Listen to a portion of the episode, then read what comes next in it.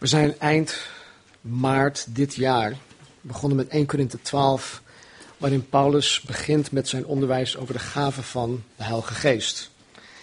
En tot nu toe hebben wij zo'n 16 zondagen aan dit onderwerp besteed. En wat voor mij in deze hoofdstukken heel duidelijk is geworden, is dat Paulus erop blijft hameren dat wij ons moeten richten op de ander. Dat wij ons moeten richten op de gemeente en niet op onszelf. En vandaar geloof ik dat God hoofdstuk 13, het hoofdstuk der liefde, ook precies tussen hoofdstuk 12 en 14 in heeft geplaatst. De twee hoofdstukken 12 en 14, waarin Paulus de Corinthiërs corrigeert en instrueert over de gaven van de Heilige Geest. Want de liefde, zoals het omschreven staat in, in 1 Corinthië 13, dat moet de motivatie zijn van alles. En van alles dat we doen. En dus ook in het gebruik van de genadegaven. De gaven zijn goed. De gaven zijn nuttig. De gaven zijn noodzakelijk. Maar deze mogen nooit vanuit een menselijk egoïsme gebruikt worden of misbruikt worden. En zoals het bij de Corinthiërs wel het geval was. Nou, vanmorgen pakken wij het op in 1 Korinthe hoofdstuk 14. En om de brief van 1 Korinthe eind dit jaar af te kunnen krijgen, moeten wij het tempo een beetje gaan verhogen. Dus ik ga er vanmorgen iets ja, sneller doorheen. Um, 1 Korinthe 14, ik begin bij vers 1. Jaag de liefde na en streef naar de geestelijke gaven, maar vooral daarnaar dat u mag profiteren. Wie namelijk tongentaal spreekt, spreekt niet voor mensen, maar voor God. Want niemand verstaat hem, maar in zijn geest spreekt hij geheimenissen. Wie echter profiteert, spreekt tot mensen woorden van opbouw en vermaning en troost. Wie tongentaal spreekt, bouwt zichzelf op, maar wie profiteert, bouwt de gemeente op. En ik wil wel dat u allen in tongen spreekt, maar vooral dat u profiteert. Immers, wie profiteert is meer dan wie in tongen spreekt, tenzij hij uitleg geeft, opdat de gemeente erdoor opgebouwd wordt. En nu, broeders, als ik naar u toe kwam en in tongen sprak, wat voor voordeel zou ik u brengen als ik niet tot u sprak, of in openbaring, of in kennis, of in profetie, of in onderwijzing? Dat geldt ook de levenloze dingen die geluid geven, of het een fluit is of een citer. Als zij zich niet onderscheiden in hun klanken, hoe zal men weten wat op de fluit of op de citer gespeeld wordt? Want ook als de bazuin een onherkenbaar geluid geeft, wie zal zich gereed maken voor de strijd? Zo is het ook als u met de tong en met je mond, met je stem geen goed verstaanbaar woord voortbrengt. Hoe zal dan begrepen worden wat er, in de, wat er gezegd wordt? U bent dan namelijk als iemand die in de lucht spreekt. Er zijn al naar het voorvalt zoveel soorten geluiden in de wereld en niet één daarvan is zonder eigen klank. Als ik dan de betekenis van het geluid niet ken, zal ik voor hem die spreekt een buitenlander zijn. En hij die spreekt, zal voor mij een buitenlander zijn. Zo ook u. Als u naar geestelijke gaven streeft, zoek om daarin overvloedig te zijn, de opbouw van de gemeente. Laat daarom hij die in tongentaal spreekt bidden dat hij het mag uitleggen. Want als ik in tongentaal bid, bidt mijn geest, maar mijn verstand ontvangt er geen vrucht van. Wat is dan het geval? Ik zal met de geest bidden, maar ik zal ook met het verstand bidden. Ik zal met de geest lof zingen, maar ik zal ook met het verstand lof zingen. En verder, als u God looft met de geest, hoe zal hij de plaats, hoe zal hij die de plaats inneemt van een niet ingewijde, amen zeggen op uw dankzegging, omdat hij toch niet weet wat u zegt? Immers, u dankt wel op een goede manier, of een mooie manier, maar de ander wordt niet opgebouwd. Ik dank mijn God dat ik meer dan u allen in tongen spreek. In de gemeente echter wil ik liever vijf woorden spreken met mijn verstand, om ook anderen te onderwijzen, dan tienduizend woorden in tongentaal. Broeders, word geen kinderen in uw denken, maar wees kinderlijk in de slechtheid, en word in uw denken volwassen. In de wet staat geschreven, door mensen die een andere taal spreken en door andere lippen, zal ik spreken tot dit volk. En ook dan zullen zij niet naar mij luisteren, zegt de Heer. Zo zijn de talen dus tot een teken. Niet voor hen die geloven, maar voor de ongelovigen. En zo is de profetie niet voor de ongelovigen, maar voor hen die geloven. Stel dat de hele gemeente op één plaats samenkwam en allen spraken in tongen, en er kwamen niet ingewijden of ongelovigen binnen. Zouden zij dan niet zeggen dat u buiten zinnen bent?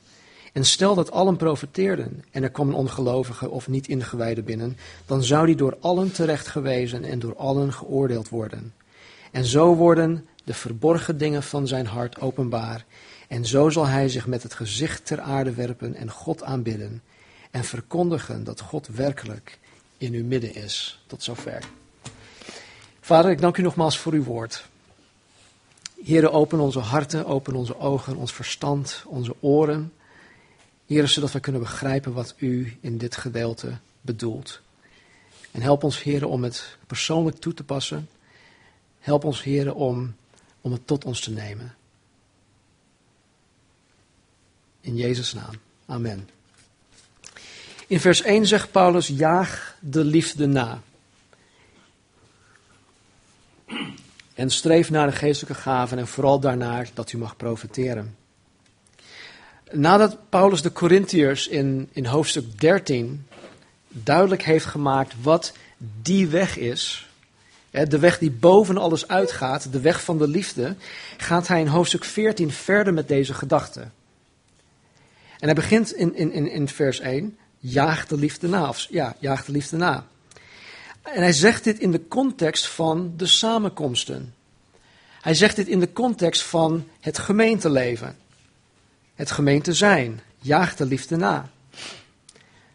Nou, misschien heb je zoiets van, nou oké, prima, dat, dat geloof ik allemaal wel, maar hoe werkt dat? Hoe ziet het er in de praktijk uit? Nou, ik geloof dat je op een hele praktische wijze de liefde kan najagen.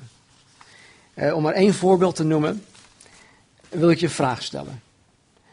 Met, met welke uh, gedachte, met welke motivatie en met, met welke verwachting kom je naar de zondagdienst toe? Kom je naar de zondagdienst toe om op een proactieve wijze uh, andere lief te hebben? Zoek je naar een manier om een ander Gods liefde te betonen? Of kom je naar de dienst toe om alleen maar de liefde te ontvangen? En als je die niet ontvangt, dat je teleurgesteld raakt. Kom je om de ander te dienen? En door onder andere het leven voor de ander makkelijker te maken? Of kom je om gediend te worden? Kom je om de ander en de gemeente op te bouwen of kom je om jezelf op te bouwen? Nou, als iedereen nou komt om de liefde op een proactieve wijze na te jagen, dan zal je vanzelf ook door de anderen geliefd worden. Dan zal je vanzelf door anderen heen Gods liefde ontvangen. En dan zal je vanzelf gediend worden in jouw noden.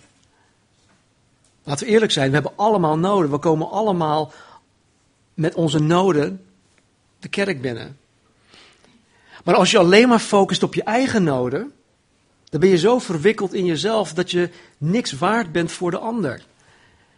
Terwijl als je je op anderen richt, en iedereen doet dat, dan zullen ook jouw noden verholpen worden. Dan zal je vanzelf ook opgebouwd worden. En dat, dat zegt Paulus, jaag de liefde na. En streef naar de geestelijke gaven en vooral daarnaar dat u mag profiteren. Wie namelijk tongentaal spreekt, spreekt niet tot mensen, maar tot God. Want niemand begrijpt het, maar in zijn geest spreekt hij geheimenissen. Eh, wat de samenkomsten betreft, is in Gods ogen het profiteren meer belangrijk dan het spreken in tongentaal. En Paulus legt dat verderop in dit hoofdstuk heel duidelijk uit. Het in tongentaal spreken is, is tot God spreken.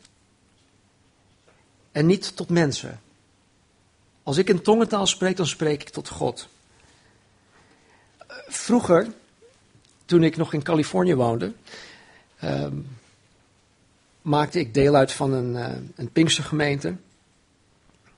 En er werd elke zondag door bepaalde mensen in hardop in tongentaal gesproken. En vervolgens kwam er een soort van, van uitleg.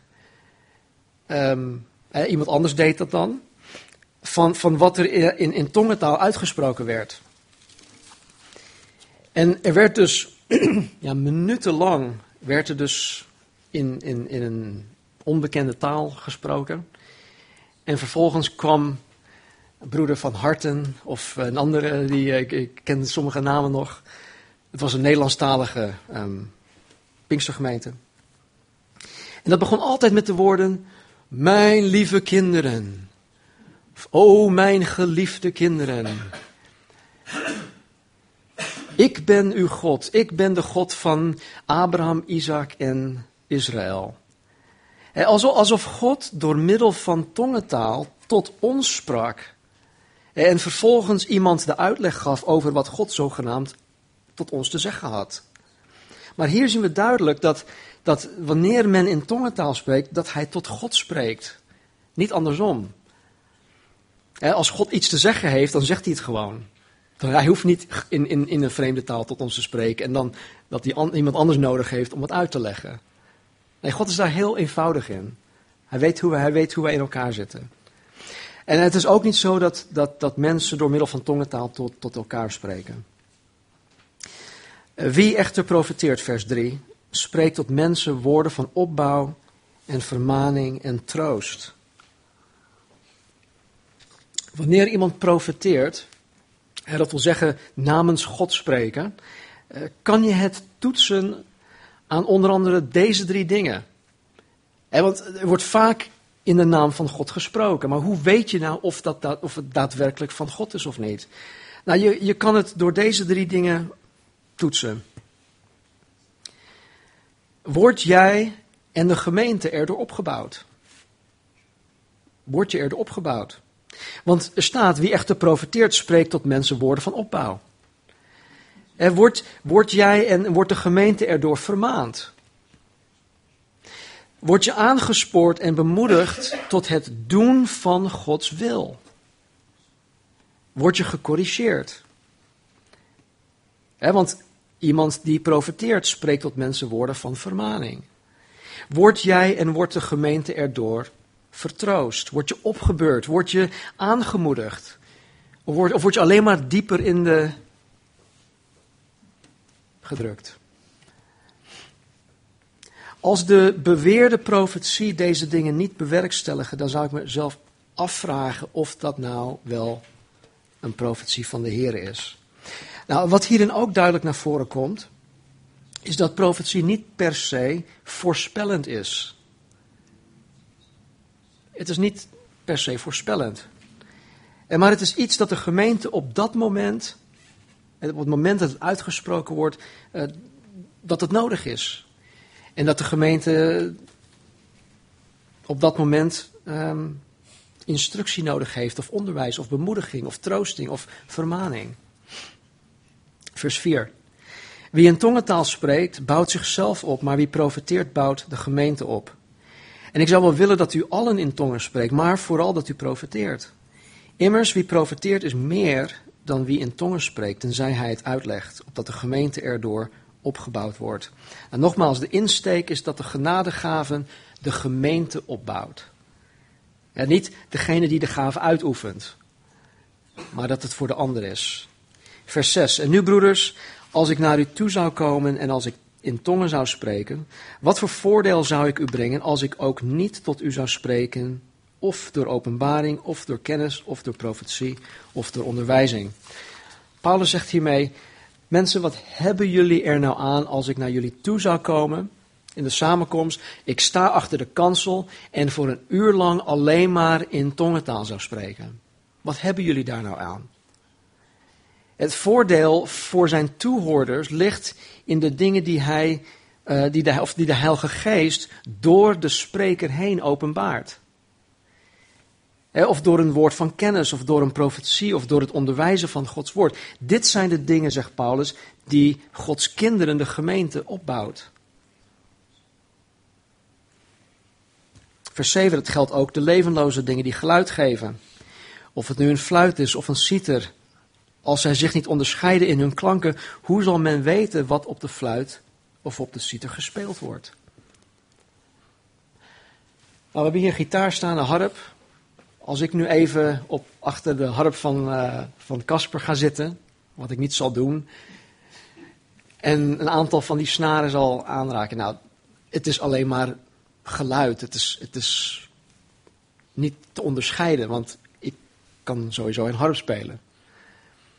Maar als ik de gitaar van, van Rolf oppak en ik begin een deuntje te, te tokkelen of zo, een van de bekende opwekkingsliederen bijvoorbeeld, als ik daarmee begin, dan weten jullie precies, hé, hey, dat, is, dat is dat lied.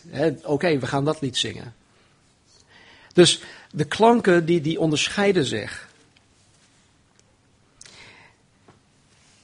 En het is herkenbaar voor een ieder. Vers 8 staat, want ook als de bazuin een onherkenbaar geluid geeft, wie zal zich gereed maken voor de strijd? Nou, vroeger werden blaasinstrumenten gebruikt om de troepen op te roepen tot de strijd. Israël die gebruikte een, een shofar, dat was een ramshoren. Die zijn trouwens nog in Israël te krijgen. Of misschien ook bij christelijke boekhandels hier in Nederland. Maar goed, ze werden gebruikt om de troepen uh, op te roepen tot de strijd. Elke soldaat die kon onderscheid maken tussen de verschillende signalen. Er was een signaal om bijvoorbeeld te eten. Er was een signaal om um, te verzamelen of uit te rukken. Nou, als het geluid van de bazuin onduidelijk was, of als het misschien haperde, He, stel dat iemand aan de te blazen en ineens had een hoestaanval of zo. Dan, dan, weten, dan, dan wisten de soldaten niet wat, wat zij daarmee moesten. Ze wisten niet wat er van hun verwacht werd. Dus als, zoals Paulus zegt, als de bazuin een onherkenbaar geluid geeft, wie zal zich gereed maken voor de strijd? Vers 9. En zo is, het ook met, zo is het ook als u met de tong geen goed verstaanbaar woord voortbrengt. Hoe zal dan begrepen worden wat er gezegd wordt? U bent dan namelijk als iemand die maar wat in de lucht spreekt. Oftewel, eh, je woorden die verdwijnen gewoon maar in het niets. Er zijn, er zijn al naar het voorvalt zoveel soorten geluiden in de wereld en niet één daarvan is zonder eigen klank. Als ik dan de betekenis van het geluid niet ken, zal ik voor hem die spreekt een buitenlander zijn en zal hij die spreekt voor mij een buitenlander zijn. Als je elkaar niet kan verstaan wegens een taalbarrière, dan blijf je vreemdelingen voor elkaar. Het schiet niet op.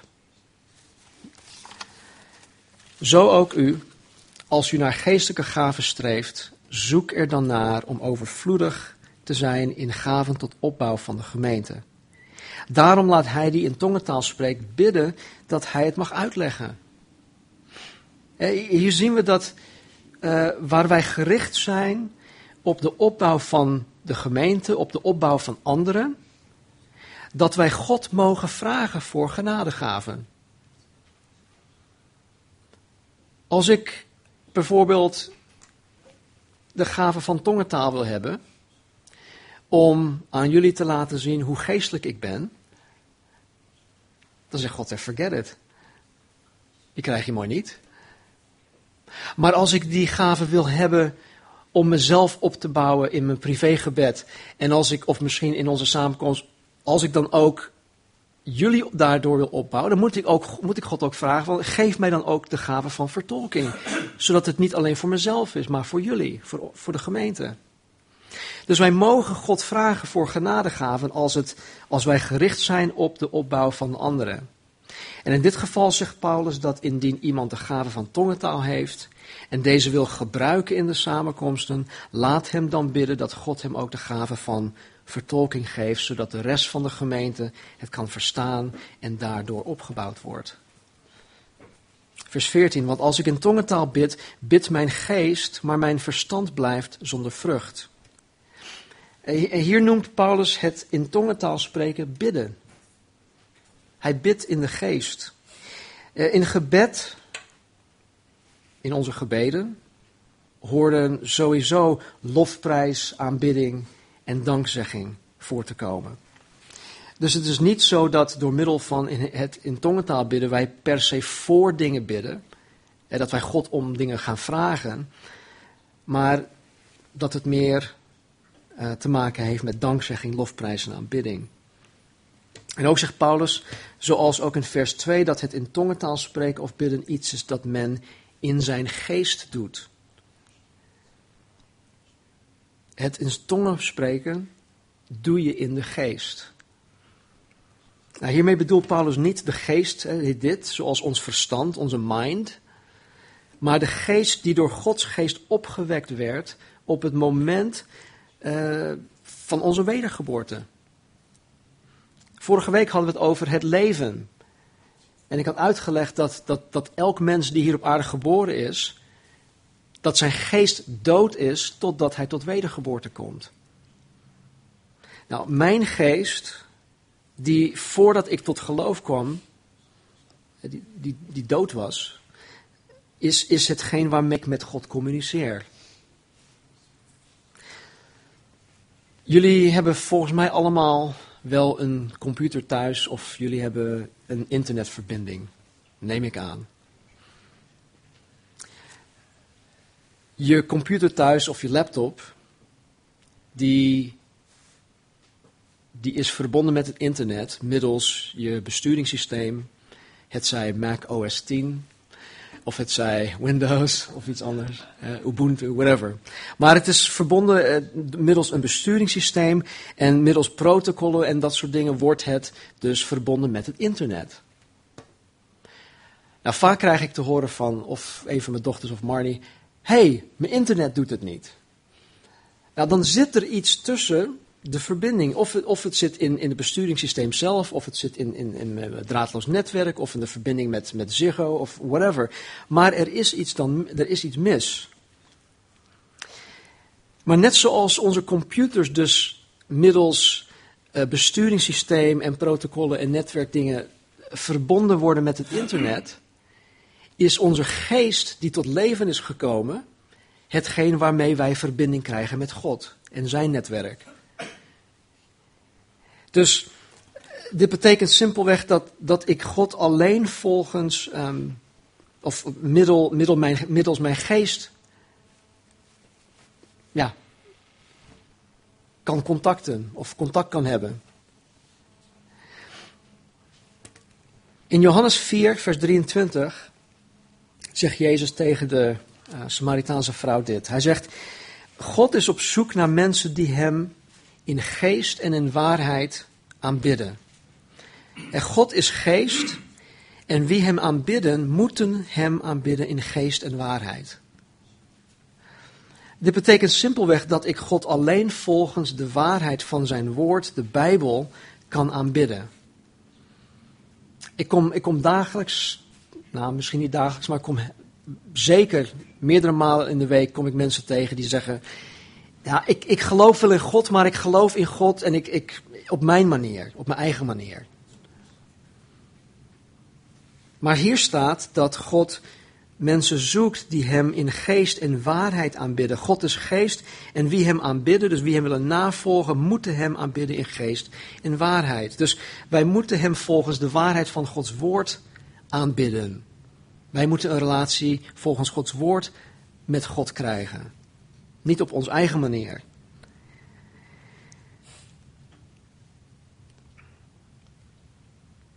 En het is alleen mogelijk om met God een relatie te hebben door middel van mijn geest. Mijn geest die door mijn wedergeboorte tot leven is gekomen. Dat is hetgeen dat God, of dat met God contact heeft. En vandaar dat het ook onmogelijk is om een ongelovig persoon geestelijke dingen te laten zien. Vers 15, wat is dan het verval? Oftewel, uh, wat is de conclusie?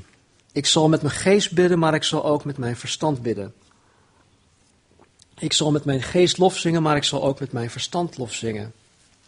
De conclusie die Paulus trekt is dat hij in zijn eigen stille tijd met zijn geest zal bidden en lof zingen.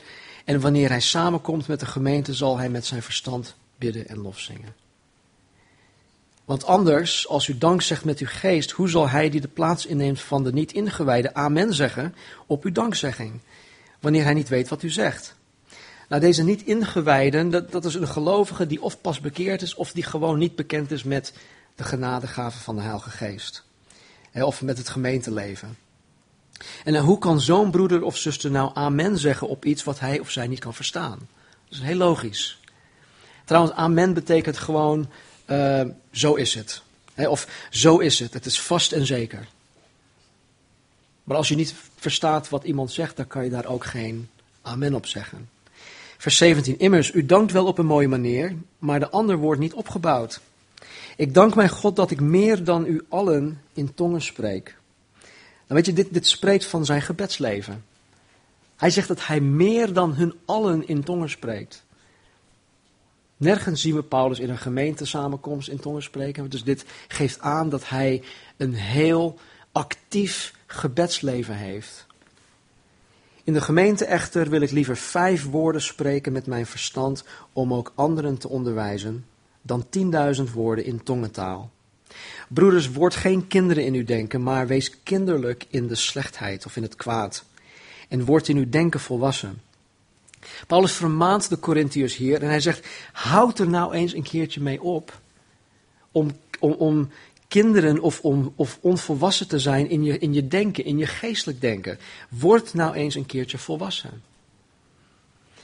Het Grieks woord dat Paulus hier gebruikt voor kinderen is een woord dat, dat, uh, dat kleine kinderen omschrijft. Kleine kinderen van tussen de vijf en tien jaar oud ongeveer. En hij zegt: Wees geen kinderen in uw denken. Nou, ik, ik, denk dat wij allemaal wel weten hoe een kind van tussen de vijf en tien denkt. Hij zegt: Wees geen kinderen in uw denken. In hoofdstuk 3, vers 1 van de 1 Korinthe zegt Paulus dit. Hij zegt: Hij noemt hen zelfs uh, niet geestelijk, maar vleeselijk. Hij noemt hun jonge kinderen in Christus. Maar goed, hier in dit vers zegt hij ook, maar wees kinderlijk in de slechtheid. Nou, het Grieks woord voor, dat, dat Paulus hier gebruikt voor kinderlijk zijn, omschrijft een zuigeling. Dat is anders dan een kind van vijf tot tien jaar oud. En dus hier in vers 20 zegt Paulus, houd ermee op om, om, om uh, als kinderen te denken. Echter, voor wat betreft het kwaad, wees als een zuigeling. En wees in je denken volwassen. Voor wat betreft de slechtheid, oftewel het kwaad, waren de Corinthiërs volgroeid. Ze waren niet um, als, als kinderen of als zuigelingen wat het, wat het kwaad betreft. Ze waren sluw. Ze waren egoïstisch. En de gedrevenheid waarmee de Corinthiërs in tongentaal spraken, toonde alleen maar aan dat zij egoïstisch dat zij trots, hoogmoedig en gewiekst waren. En volgens de Bijbel behoren al deze dingen tot het kwaad. Een zuigeling daarentegen kent geen van deze dingen. Een zuigeling kent alleen maar liefde. Een zuigeling kent afhankelijkheid, aanhankelijkheid, tederheid. Hij, kent zorg en, en gevoeligheid. Dus Paulus zegt hiermee dat zij elkaar op deze manier moeten behandelen dat, dat zij op deze manier met elkaar moeten omgaan. In, in liefde, in, in afhankelijkheid, in aanhankelijkheid, in, in tederheid, in zorg, in, in gevoeligheid voor elkaar. En als laatste in vers 20 zegt Paulus dat zij in hun geestelijk denken volwassen moeten worden. De Corinthiërs waren in hun geestelijk denken net als kleine kinderen. En over dit soort mensen zegt Paulus in Efeze dit. Hij zegt, wij zullen dan niet langer als kinderen zijn, die zomaar van gedachten veranderen. Wij laten ons dan ook niet meer door van alles beïnvloeden. Ook niet door de verkeerde leer van slimme mensen die ons op een dwaalspoor willen brengen. Dat is vanuit het boek. De Corinthiërs waren al voor een lange tijd christen. Maar ze hadden geen sterk fundament. Hun Bijbelkennis was bijna nihil. Ze, ze wisten weinig af van de gezonde leer, waardoor zij geen geestelijk inzicht hadden tot Gods wil. Gods wil. Ze hadden geen geestelijk inzicht tot Gods wegen, tot Gods plan. En dit ondanks dat zij Paulus als voorganger hebben gehad. Anderhalf jaar lang. De apostel Paulus. En je zou bijna zeggen van, hoe is dat nou mogelijk? Hoe is dat nou mogelijk?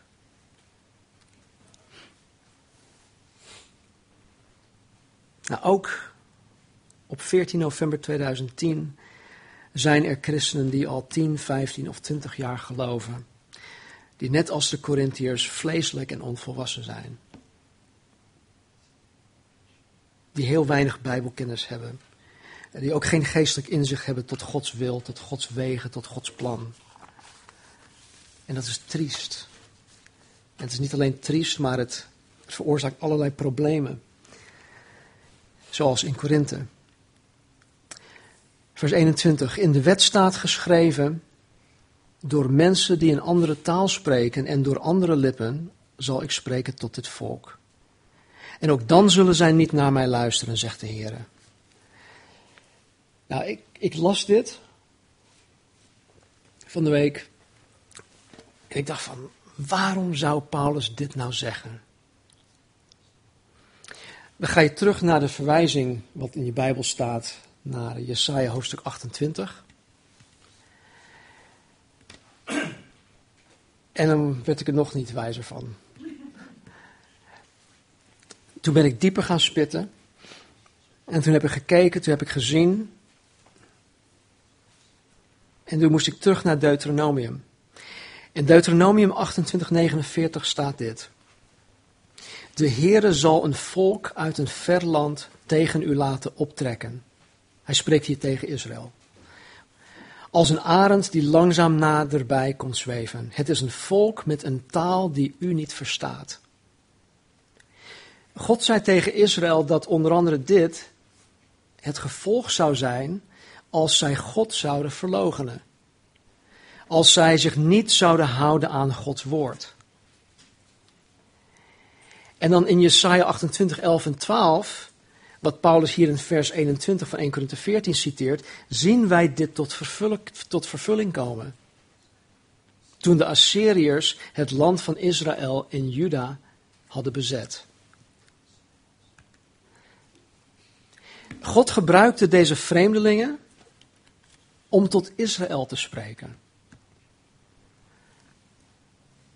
Hij gebruikte deze vreemdelingen om tot Israël te spreken, maar zelfs dan luisterden zij niet naar God. En de hele reden, geloof ik, dat Paulus dit aanhaalt, is om te zeggen dat net zoals de ongelovige Israëlieten Gods stem niet hoorden en gehoorzaamden, waardoor zij uh, zich tot God terug zouden moeten keren, zullen ongelovigen in de kerkdienst in Korinthe, die de kerkdienst bijwonen, ook niet tot geloof komen door middel van de uitingen van deze tongentaal. Zo zijn de talen dus tot een teken, zegt Paulus. Niet voor hen die geloven, maar voor de ongelovigen. En zo is de profetie niet voor de ongelovigen, maar voor hen die geloven.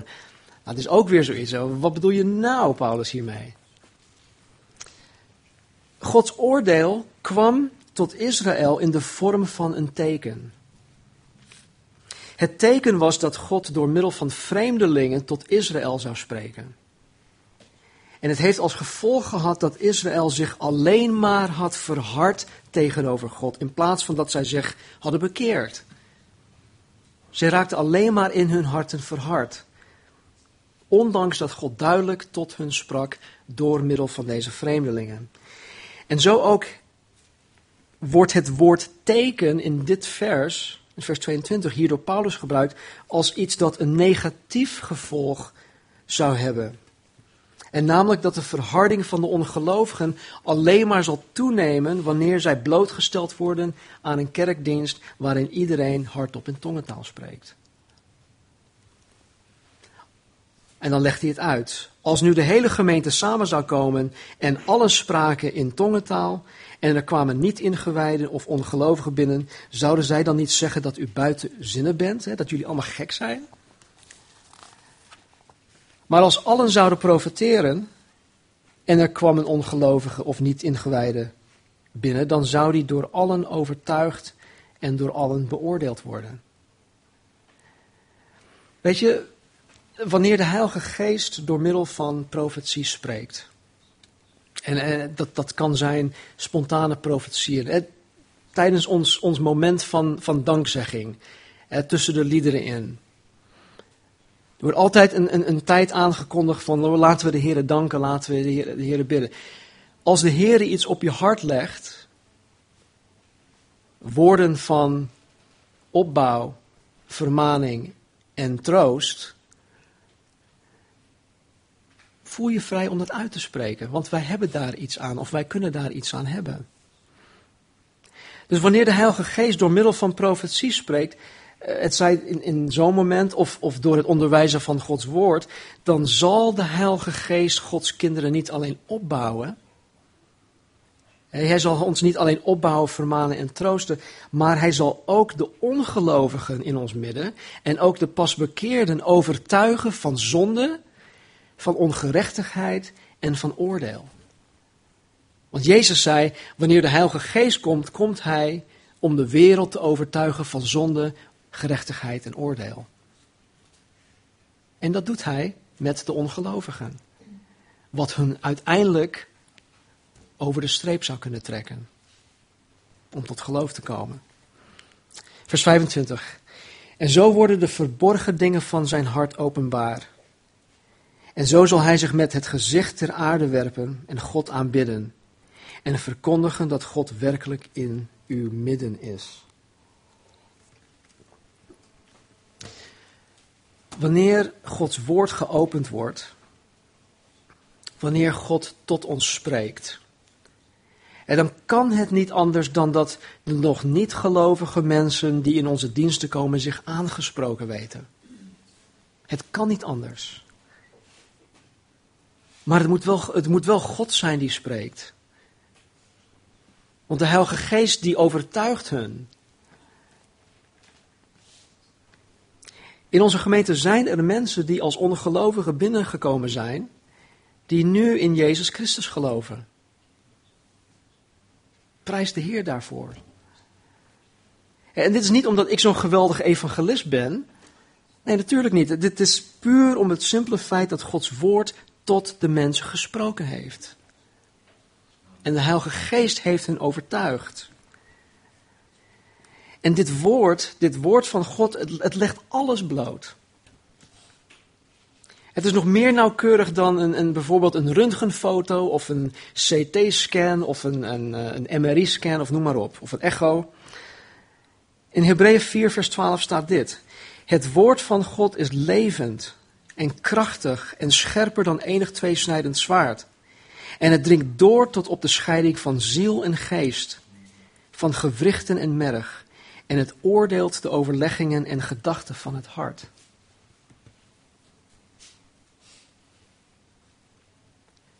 Jaag de liefde na. En streef naar de geestelijke gaven. En vooral daarnaar dat u mag profiteren. Nou, volgende week maken we hoofdstuk 14 af. Dan gaan we zien hoe wij dat in de praktijk horen te brengen. Laten we bidden. Vader, ik dank u. dank u, Heer, dat u ons inzicht geeft tot uw woord. Dat de geest der waarheid ons ook tot de waarheid leidt. Dat u ons het verstand geeft dat u ons ook het inzicht geeft, heren, tot de dingen die, van, die, de dingen die u van ons verlangt en verwacht. En zo ook, heren, met onze samenkomsten, de genadegaven, het spreken in tongentaal, het profeteren. Ik dank u, Heer, dat u ons daarin duidelijk instrueert. En Heer, dat u zo begaan bent met ons. En dat u ons niet als wezens heeft achtergelaten, alleen hebt achtergelaten, Heer, maar dat u uw geest aan ons heeft gegeven om ons daarin te helpen. Dus Heer, ik bid voor de gave van profetie. Heer, geef het ons. Ik dank u, Heer.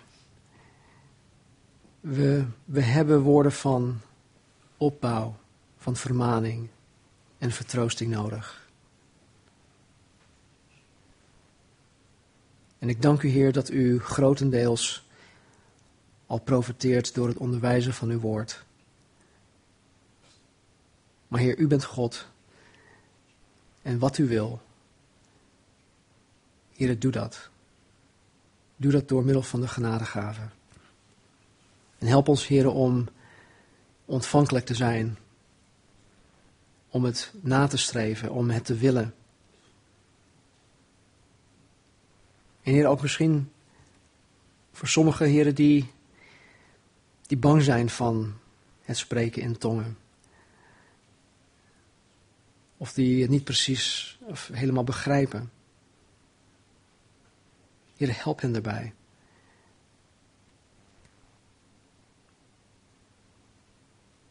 Zegen ons, Heer. Dank u voor de weg die u ons gegeven heeft. 1 Korinthe 13. De weg van, van uw liefde, Heer, de weg die alles overtreft. Help ons, Heer, op die weg te wandelen, te blijven. En Heer, zoals Paulus ons aanmoedigt om de liefde na te jagen. Dank u wel, Vader. We vragen dit in Jezus' naam. Amen. Laten we staan.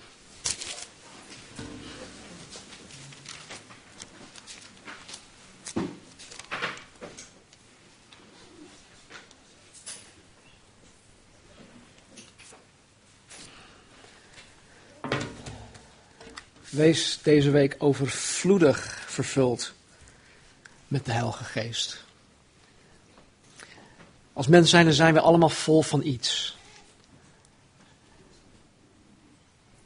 En het allerbeste is om vol te zijn van wie Jezus Christus is. Dus wees overvloedig vervuld. Vraag het aan God. Vraag het elke ochtend. Weer opnieuw.